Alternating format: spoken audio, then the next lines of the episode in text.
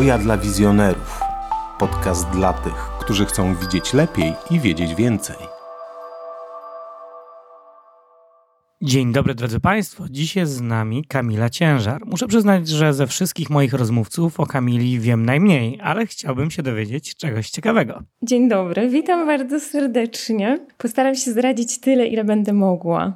Kamila, powiedz proszę, skąd nadajesz i dlaczego właśnie stamtąd? E, tak, ja nadaję dzisiaj z Berlina jestem już tutaj od dwóch lat. Tak, już e, w lipcu dokładnie będą dwa lata, odkąd tutaj jestem. I dlaczego tutaj jestem? Wydaje mi się, że zaczęło się to już tak naprawdę od najmłodszych lat, można powiedzieć, bo język niemiecki, nauka języka niemieckiego towarzyszy mi już tak naprawdę od szkoły podstawowej. Na pewno nie wiązało się to od razu też z, z jakimś pomysłem na wyjazd e, do Niemiec. Później też w trakcie studiów odbywałam praktyki w Niemczech. To były praktyki w ramach programu Erasmus. One były też e, organizowane w, e, w ramach współpracy z firmą Hoja, bo praktyki odbywały się też e, w fabryce, w jednej z głównych fabryk firmy Hoja. Jeżeli mówię źle, Maciej do mnie popraw.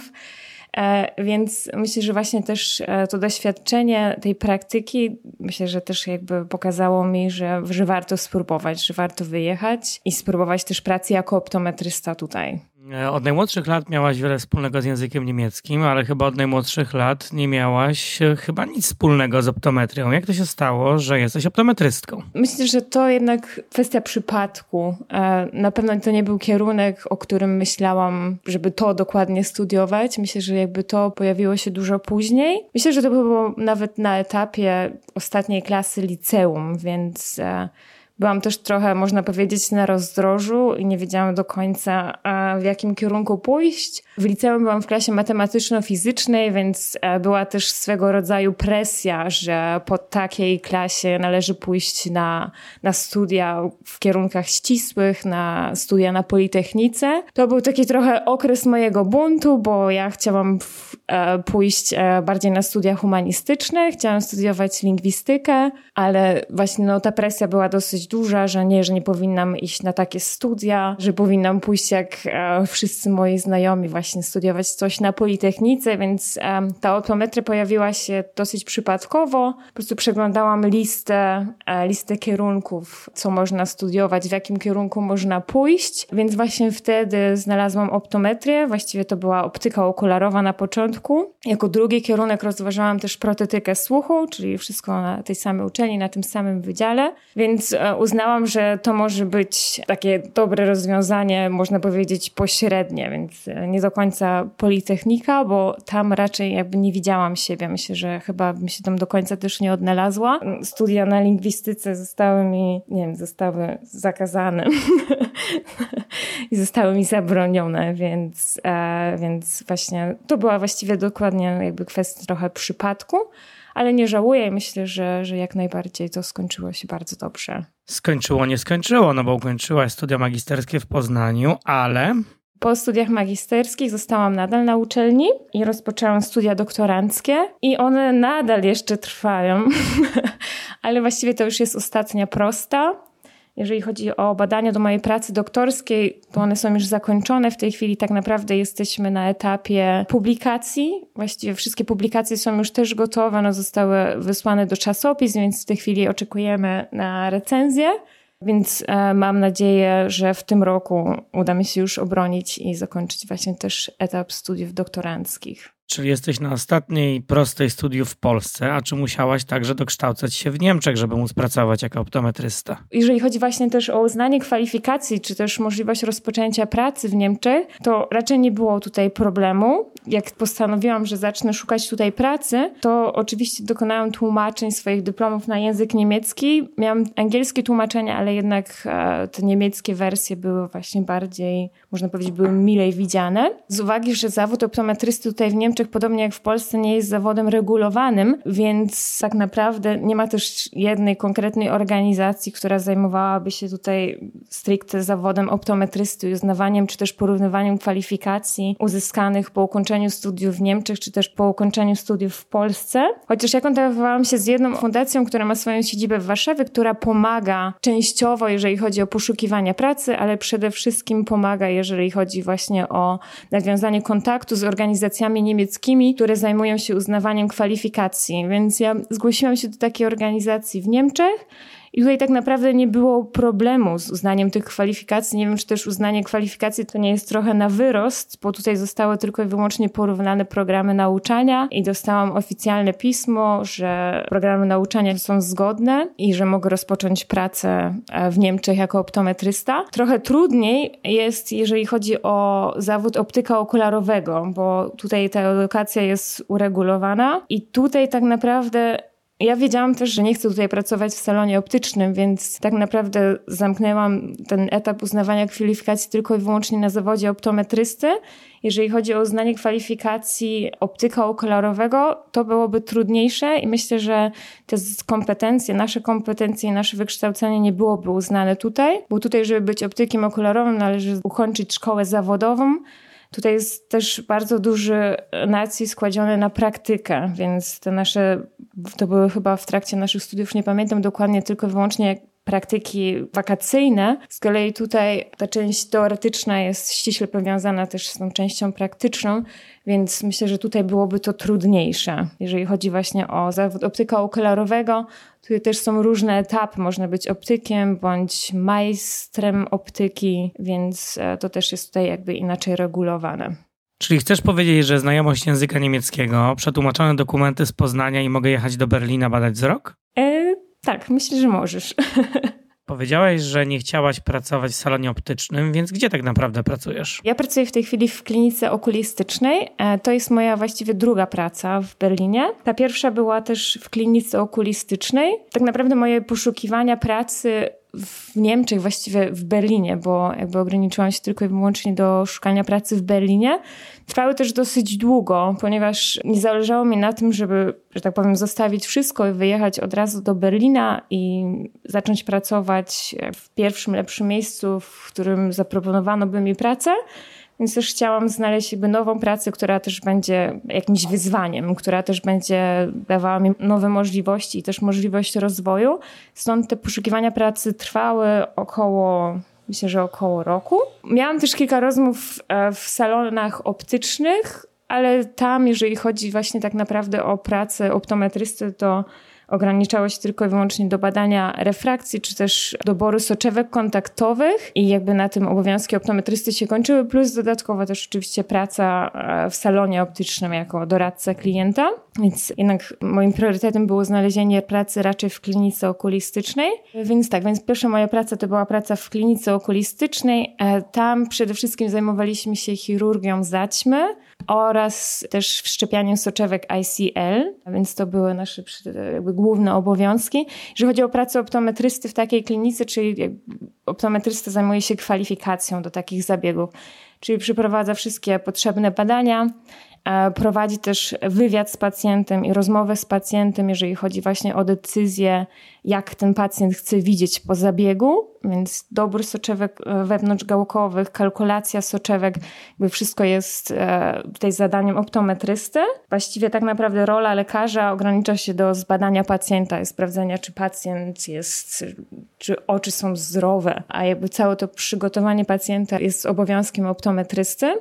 To, co było jeszcze właśnie też ciekawe w tej pierwszej klinice okulistycznej, w której pracowałam, tam optometryści mają też możliwość pracy przy zabiegach, czyli mogą pracować jako asystenci przy zabiegach, więc to też było ciekawe. Też miałam okazję pracować przy zabiegach, więc na pewno było to bardzo ciekawe doświadczenie, bo tutaj w Polsce nie spotkałam się z taką możliwością. U nas raczej pracując w Polsce w klinice okulistycznej też zajmowaliśmy się chirurgią zaćmy, ale jeżeli chodzi o jakby wszystkie czynności okołozabiegowe, to w to już były zaangażowane pielęgniarki i lekarzy, więc tutaj jakby nie było, nie było możliwości, żeby optometrysta też mógł pracować e, przy zabiegach.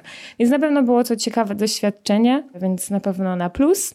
Jeżeli chodzi właśnie o to drugie miejsce, w którym pracuję, to też jest klinika okulistyczna. Tutaj też mam okazję i możliwość e, pracować przy kwalifikacjach do zaćmy, ale oprócz tego w tej klinice, w której pracuję, można powiedzieć, że jest to sieć klinik, chociaż sieć e, może brzmieć, może mieć trochę negatywne nacechowanie, ale po prostu staramy się mieć e, klinikę w różnych częściach Berlina. Więc e, jest to też sieć klinik, więc między innymi właśnie jest też ta kwalifikacja do zaćmy, w której jakby jest ścisła współpraca między optometrystą a okulistą. Ale oprócz tego w tych klinikach, w których teraz pracuję, też rozwijamy godziny przyjęć, czy też wizyty optometryczne. Czyli tutaj oczywiście aplikacje soczewek, a zajmujemy się też terapią krótkowzroczności. Plus dodatkowo z czego chyba najbardziej się cieszę, to też e, rozpoczynamy terapię suchego oka, więc tutaj na pewno tych możliwości jest jeszcze więcej. I też właśnie akurat w tej klinice okuliści są też bardzo otwarci na współpracę i nasz szef też jak najbardziej chce rozwijać właśnie ten dział optometryczny, żeby jakby świadczyć pełen zakres usług dla, dla pacjentów. Wow, no to jestem pod niezłym wrażeniem. Chciałem teraz zapytać o porównanie optometrii w Polsce i w Niemczech, ale wygląda na to, że są to jakby zupełnie dwie inne działki. Robisz zupełnie inne rzeczy niż wykonują tak naprawdę optometryści w Polsce. To znaczy, jeżeli chodzi właśnie o pracę w Polsce, muszę powiedzieć, że chyba też e, nie mogę narzekać, bo też miałam możliwość pracowania w kilku bardzo ciekawych salonach optycznych, czy też w klinikach okulistycznych. Też w trakcie studiów doktoranckich pracowałam na uczelni, prowadziłam zajęcia zajęcia ze studentami, więc muszę powiedzieć, że jeżeli chodzi o moją pracę w Polsce, to z niej też byłam zadowolona jak najbardziej. To też dawało możliwość rozwoju, ale faktycznie porównując, jakie są możliwości tutaj, to faktycznie to różni się jednak znacząco. Chociaż myślę, że w Polsce to też jakby wszystko idzie w tym dobrym kierunku, więc myślę, że w Polsce to, to metra też będzie się rozwijała. Jeżeli chodzi o terapię krótkowzroczności, to myślę, że jak najbardziej to jest teraz też e, jeden z, e, z ciekawszych tematów i jakby jeden z działów, który też coraz prężniej się rozwija. Jeżeli chodzi właśnie o terapię suchego oka, to może jakby tutaj nie jest to aż tak bardzo rozwijane, ale myślę, że jakby tutaj też należy uwzględnić jakby koszty socjalne. Jeżeli chodzi właśnie też o ten zakres usług optometrycznych, który jest świadczony tutaj w Niemczech, to jednak też są tylko i wyłącznie wizyty prywatne, czyli pacjenci muszą opłacać to sami, tylko i wyłącznie niektóre ubezpieczenia pokrywają część takich usług, więc e, na pewno jakby ten zakres usług, który świadczymy, musi być też dostosowany do tego, na ile pacjent może sobie pozwolić. Więc myślę, że jakby tutaj są też te różnice. Jeżeli chodzi jakby o wyrównanie tych zakresów, które świadczymy tu, które są świadczone w Polsce, na pewno myślę, że będzie trzeba jeszcze trochę poczekać, jakby, bo jakby to nie chodzi już o samych optometrystów, tylko chodzi też po prostu o to, z jakim pacjentem współpracujemy. Wspominałaś wcześniej, że jako optometrystka mogłaś asystować podczas zabiegów. Powiedz, na czym ta asysta polegała? Czy to była jedynie obserwacja, czy może sprawdzałaś się w roli instrumentariuszki? To znaczy, zaczyna się od tego, że jest, stoi się tylko i wyłącznie z boku i się obserwuje.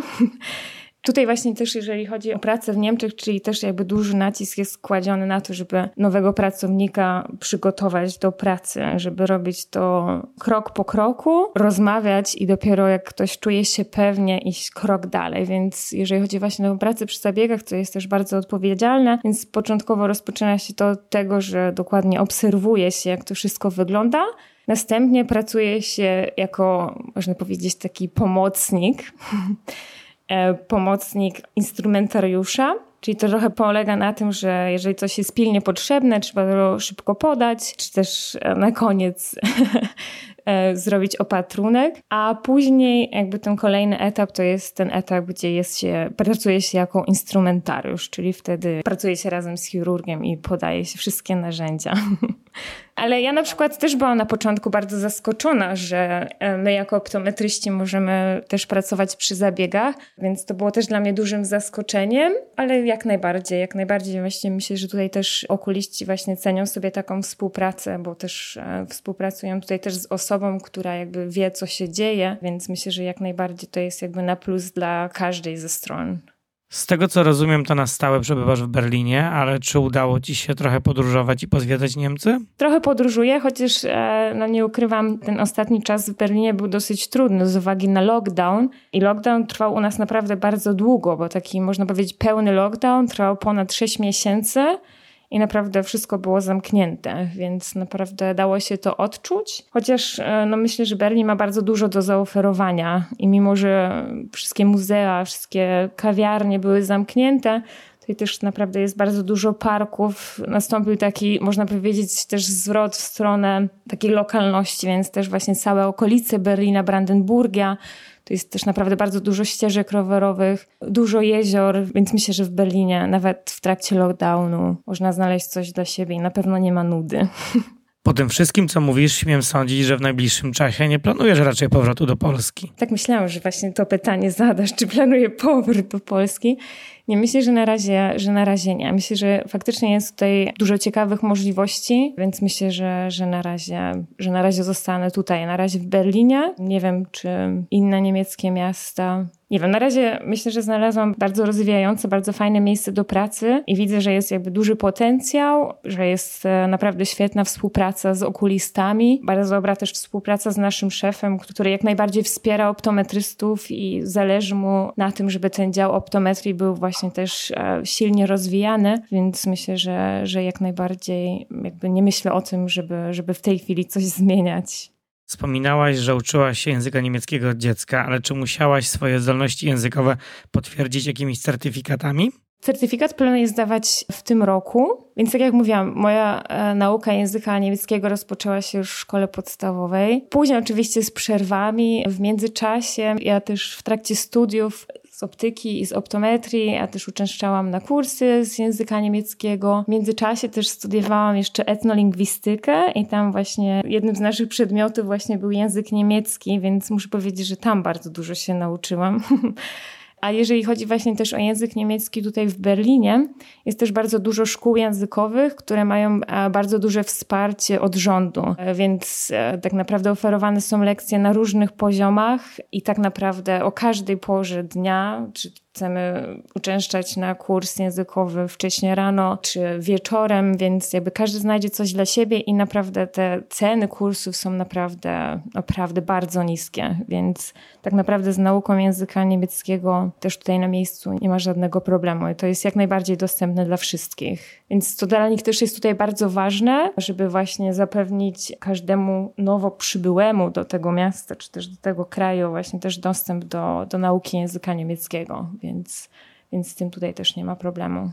Na razie mówimy o Niemczech w samych superlatywach, ale może były jakieś problemy, może brakowało ci czegoś, nie wiem, bigosu z Polski, może trudno było się na początku odnaleźć. Tak, e, jeżeli chodzi właśnie o początek w Berlinie, to był, nie ukrywam, bardzo trudny, bo dużym problemem jest znalezienie w Berlinie mieszkania. I w moim przypadku ja akurat miałam bardzo dużo szczęścia, bo pomogła mi jedna z, z moich koleżanek z pracy, bo jeżeli chodzi właśnie o takie poszukiwania na własną rękę, są naprawdę bardzo trudne. Ja szukałam mieszkania dwa miesiące, co jest naprawdę bardzo dużym szczęściem, bo przeciętnie znalezienie mieszkania, w którym można, że powiem, zamieszkać na stałe trwa około pół roku, więc, e, więc na pewno to było bardzo trudne. Więc początkowo mieszkałam pierwsze dwa tygodnie na Airbnb, później u znajomych znajomych, następnie znowu u znajomych znajomych, więc to na pewno było bardzo trudne. Szukanie mieszkania na odległość też zupełnie nie ma sensu, bo z uwagi właśnie na to, że każdy chciałby znaleźć mieszkanie, że jest bardzo dużo osób, które ciągle szuka mieszkania. Też na stronach internetowych jest bardzo dużo oszustów, więc na to też trzeba uważać, więc takie szukanie mieszkania na odległość jest niemożliwe, jest bardzo niebezpieczne. Więc na pewno to było bardzo trudne i to jakby też generowało dodatkowy stres, e, że